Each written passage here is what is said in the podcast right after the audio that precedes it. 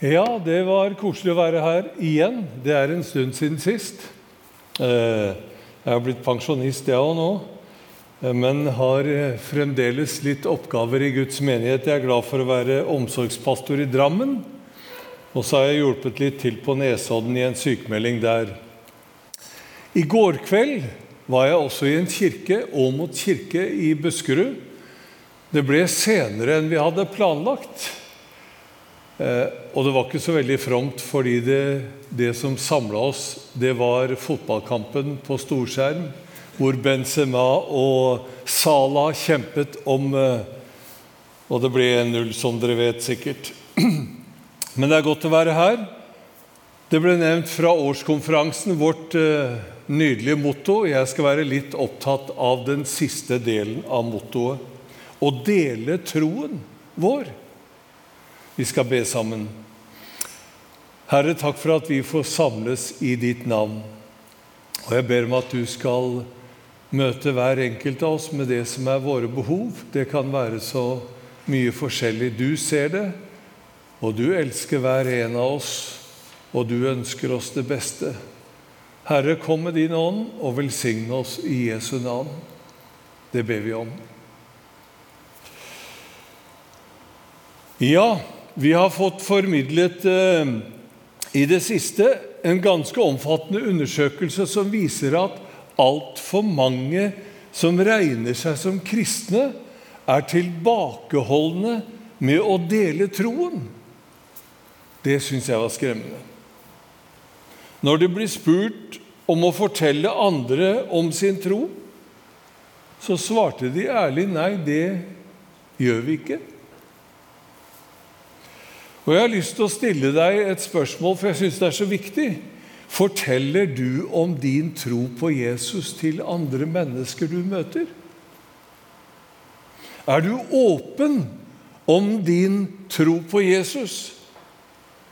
Bibelen bruker et talende bilde om at vi skal være lys og salt i verden. Og Fra ungdommen så husker jeg tittelen på en engelsk boktittel som utfordra oss. 'Out of the salt shakers'. Direkte oversatt 'Se å komme ut av saltbørsa'. Hensikten med saltet er jo å krydre maten, sette smak. Det skulle også være med å hindre forråtnelse, særlig før kjøleskapets tid.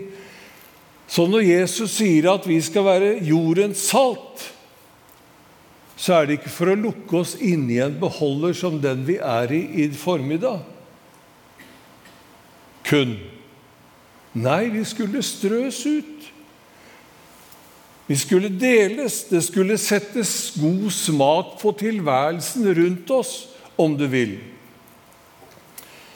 Om vi skal utfordre oss selv med dette bildet, så er ikke kristenlivet ment å bare bestå i å samles innendørs med likesinnede en gang i uka, for så vente på neste søndag til vi skal samles igjen.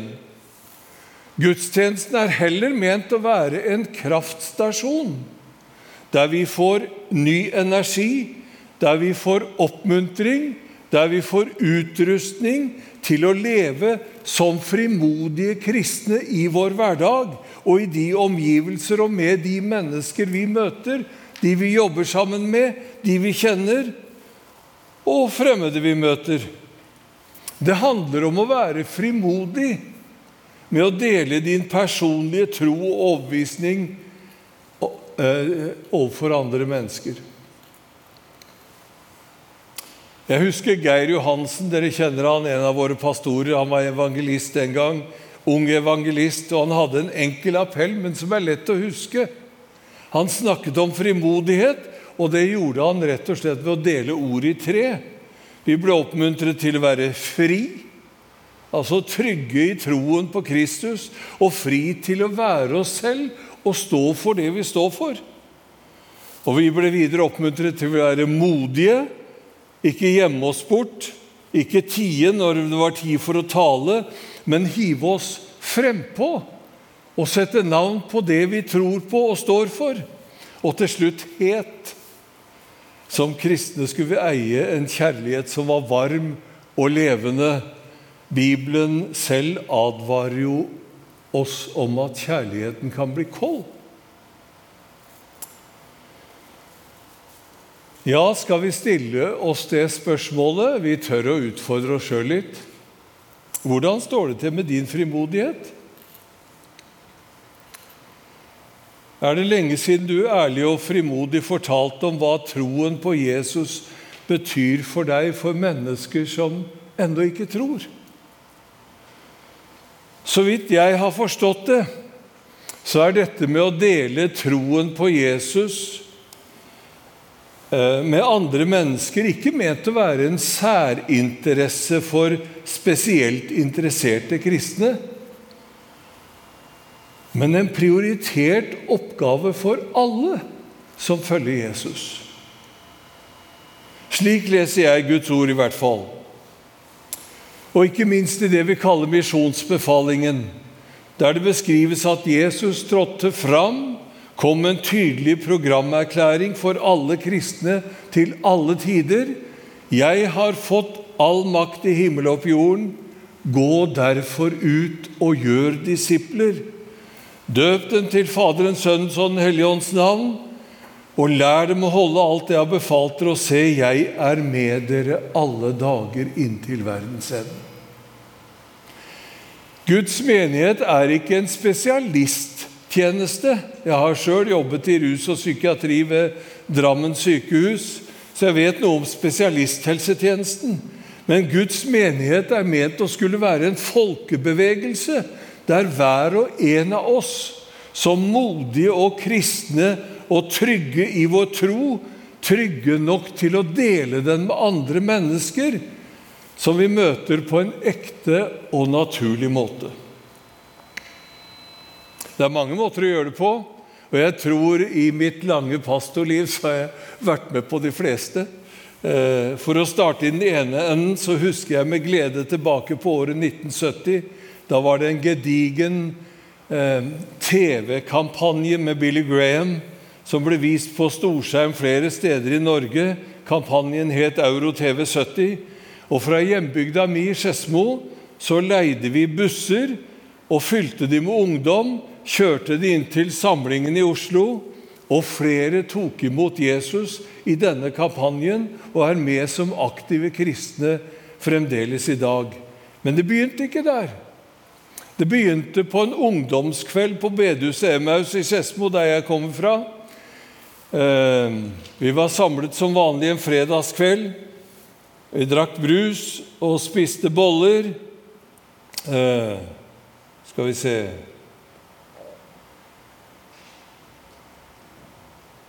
Ja, vi spiste pølse, vi eh, spilte kurong, og vi hørte på en andakt. Men så husker jeg spesielt en kveld hvor noen av oss unge samtalte om vi må da ha litt større ambisjoner som kristne ungdom enn å komme sammen og spille kurong, spise pølser og høre en liten andakt. Andakten var bra, det var ikke noe med det. Og så husker jeg at vi fant fram en stol så knelte vi ned. Så la jeg hånda der, og så kom det en hånd oppå der og en hånd oppå der. en oppå der. Og så ba vi en innvielsesbønn om at vi må gjøre noe mer for å nå våre ungdom i bygda vår for Jesus. Det er nesten så jeg kjenner tyngden når jeg sier det.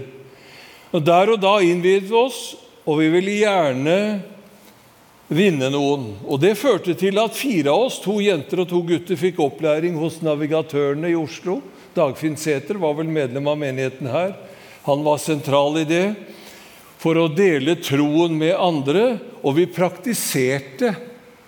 Og Vi var jo ungdomsskoleelever eller gymnaselever, og vi praktiserte på Blindern i Oslo den gangen det var sånn skikkelig AKP-ML-tid der.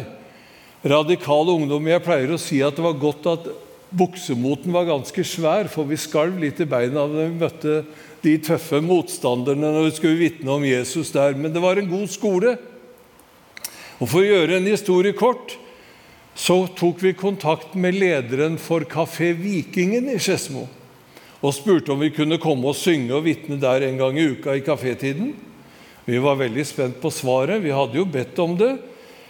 Og vi fikk et positivt svar. Midt i kafétiden, en halvtime i uka, stilte vi opp med en liten sanggruppe, kanskje, vitnesbyrd, og så satt vi og prata med folk eh, rundt bordene der. Og jeg glemmer aldri en som satt med et halvfullt pilsglass, og han var mer enn halvfull sjøl. Når han hørte på oss og så, så Jeg visste ikke at jeg var kommet på et religiøst møte her, sa han. Det var vel ikke det han hadde bestilt. Men det var forhistorien til at vi leide buss, og sjåfør hadde vi selv. Fylte den med ungdom for å høre Billy Graham på storskjerm i Oslo. Og i løpet av den perioden så kom det med omtrent 50 ungdommer i bibelgrupper, og det var en spennende tid. Jeg husker eh, en påsketur vi hadde i fjellet i den tiden. Eh, det var en gjeng som dro på hyttetur. Jeg har et minne vi satt i solveggen og hørte en eminent påskepreken av biskop Per Lønning. Eh, fine og sterke påsketale om Jesu frelsegjerning. Det gjorde inntrykk på oss alle. Og så var den faktiske situasjonen slik at da vi reiste opp til fjells, så var ikke alle av oss kristne. Men da vi reiste hjem igjen, var alle bekjennende kristne. Og jeg pleier å si at ingen var omkommet i påskefjellet. Det var en flott opplevelse. For meg har det fra ganske tidlig som kristen vært et ideal at jeg skal være kristen på en ekte og naturlig måte, og at jeg vil dele min tro med andre på en ekte og naturlig måte. Jeg sier på ingen måte at jeg har fått det til, men det har vært idealet. Og når jeg tidlig kom på disse tankene, så er det jo fordi jeg hadde forskjellige opplevelser i kristne sammenhenger.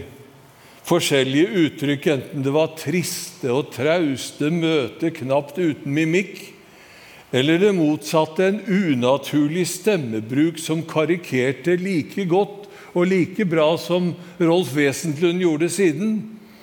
Eller jeg har vært på teltmøter der jeg skulle ønske at teltet var jeg holdt på isolert med glavamatter, slik at de som gikk på gatene utafor, ikke hørte skrikene fra predikanten. Ja, Like unaturlig er det når du opplever at noen skal vitne, og så er det som de slår på et ferdig opplært program som varer en kort stund, og så hører du verken noe om troen før eller siden. Det blir som vi spøkte med i enkelte nærradioer. Dere husker begynnelsen på nærradioen? Eh, det var amatører mange steder, og vi pleide å si at programma varer så lenge batteria varer. Jeg vil ikke med det være med å kritisere de som på ærlig måte ønsker å dele sin tro. Tvert imot. Mitt poeng er, og min bønn er, og mitt håp er, at vi som eier troen på Kristus, kan eie den på en slik måte at den er så integrert i livet at den naturlig kommer til uttrykk nær sagt i alle sammenheng. Det er vel noe av det det handler om når Jesus sier at vi skal være lys og salt i verden. Koret i denne sangen jeg skal sitere, uttrykker noe av det jeg vil formidle. Jeg vil gi deg, o Herre, min lovsang. Jeg vil takke deg med mine ord. For din nåde, som er uten grenser, og for godhet og kjærlighet stor. Og så kommer koret som en bønn.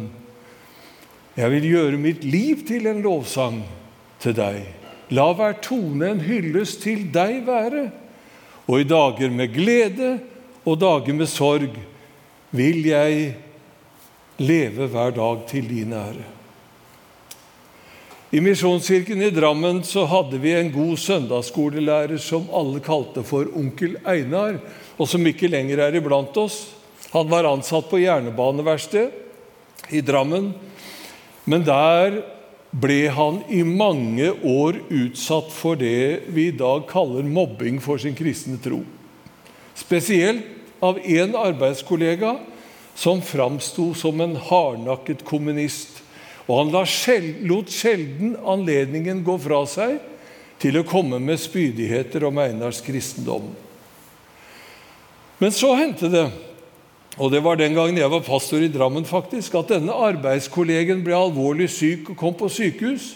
Og Jeg husker Einar ringte meg, jeg var pastor i Drammen da, som sagt. Han ba meg komme hjem til seg, og jeg var spent på hva dette gjaldt. Jo, Einar ville besøke denne gamle arbeidskollegen, som stadig hadde kommet med nedsettende kommentarer om Einars kristne tro og menighetstilhørighet. Einar ønsket nå at jeg skulle be om at han måtte få være frimodig og trygg og kunne formidle noe godt til den krevende arbeidskameraten som nå faktisk lå på Drammen sykehus på det siste. Vi ba sammen, og neste dag gikk Einar spent på sykebesøk. Og han var veldig ærlig på at han ikke følte seg høy i hatten. Og så har Einar fortalt at han kom inn døra på sykerommet, hilste, og de pratet litt om gamle dager på jobben. Og etter hvert tok Einar mot til seg og spurte kan jeg få lese et Guds ord for deg. Og til sin overraskelse så fikk han ja på det. Og da det var unnagjort, så tok Einar mot til seg på nytt og spurte kan jeg få be en bønn for deg også. Og til enda mer overraskelse så fikk han ja på det også. Og det ble en rik opplevelse for Einar, for det vi hadde bedt om, ble oppfylt, og ikke mindre. Da Einar gikk for å ut av sykerommet, sto i døra og vinket farvel, faktisk ble det for siste gang, til denne arbeidskameraten. Så sier han som ligger døende i senga, 'Takk skal du ha, Einar. Nå har jeg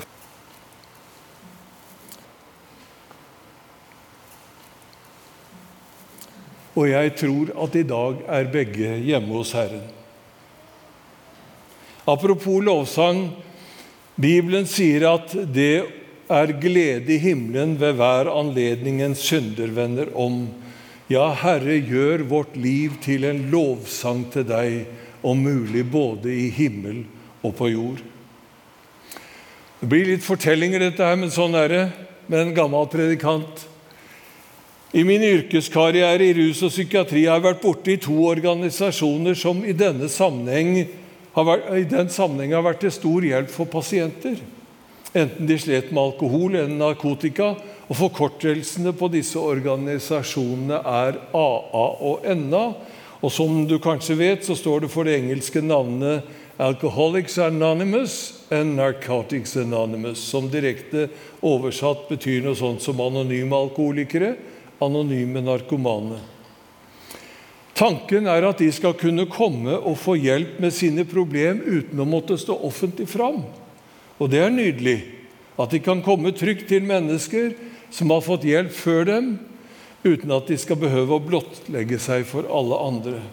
Og det fungerer. Men det som ofte skjer i ettertid, er at de samme som ville være anonyme, blir ivrige etter å hjelpe sine medmennesker med den hjelp de selv har fått. Kanskje burde vi hatt i kristen sammenheng en organisasjon som på engelsk ville hete noe sånt som CA. Christian Anonymous. Anonyme kristne. Hvor vi kunne hjelpe hverandre til større frihet og frimodighet. Til hverdagen å gi uttrykk for vår tro på en naturlig og ekte måte. Ikke som et ferdig innøvd program, men som en integrert del av vårt liv og vår tale. Og så er det vel nettopp en samling som denne, gudstjenesten, som er ment å utruste oss og gi oss frimodighet til å leve integrert og dele vår kristne tro og vår begeistring for personen Jesus med andre mennesker. Ja, du vet hva ordet entusiast kommer av og betyr. Entheos er det greske uttrykket som betyr 'i Gud'. Vi er i Gud ved troen på ham. Vi er i Kristus, som Bibelen uttrykker det. Og vi som tror på Jesus, som har gitt sitt liv for oss, som ga seg selv for og en døråpner til Guds evige rike, soning for våre synder og en døråpner til Guds evige rike. Ja, vi er takknemlige for at vi fikk ta imot den nåde og gave det er fra Gud, at ved troen på Jesus så kan jeg, som sangen sier, være ren og rettferdig, himmelen verdig. Om vi har noe kjennskap til oss sjøl, så skjønner vi at dette er Guds gave helt og fullt. Gitt av raus nåde og kjærlighet til alle som vil ta imot. Og du som er en kristen og derfor ivrig leser av Guds ord, eh, du kjenner til denne sammenstillingen mellom to kor 8-9 og 9-8. Først frelsesgrunnlaget. Dere kjenner vår Herre Jesu Kristi nåde. Enda han var rik, ble han fattig for deres skyld så dere skal bli rike ved hans fattigdom. Ja, vi er ydmykt takknemlige for det Jesus gjorde for oss, og at vi har fått del i livet med Han. Og så kommer utfordring til tjeneste og livsstil i andre kor 9,8. Og Gud makter å gi dere all sin gave i rikt mål, så dere alltid og under alle forhold har nok av alt, ja, har overflod til all god gjerning. Det er altså ikke Herren det står på. Han kaller på oss alle at vi ikke skal være i de anonyme kristnes rekker som ikke formidler noe om sin hemmelige kristne tro, men at vi på rett måte skal være i Gud, enn for oss, blant entusiastene som med glede og frimodighet deler troen på Kristus med mennesker vi møter. Og da Forhåpentligvis på en normal og folkelig og naturlig måte. Vet du hva? Jeg ønsker hver enkelt av dere Guds rike velsignelse, så dere kan være Herrens gode sannhetsvitner i deres hverdag, i deres omgangskrets og for mennesker dere møter. Og jeg unner dere gleden av å oppleve at mennesker åpner seg for Jesus og blir frelst og får være med på det. Det er faktisk Guds metode til å vinne flere for Guds rike. Så vær frimodig.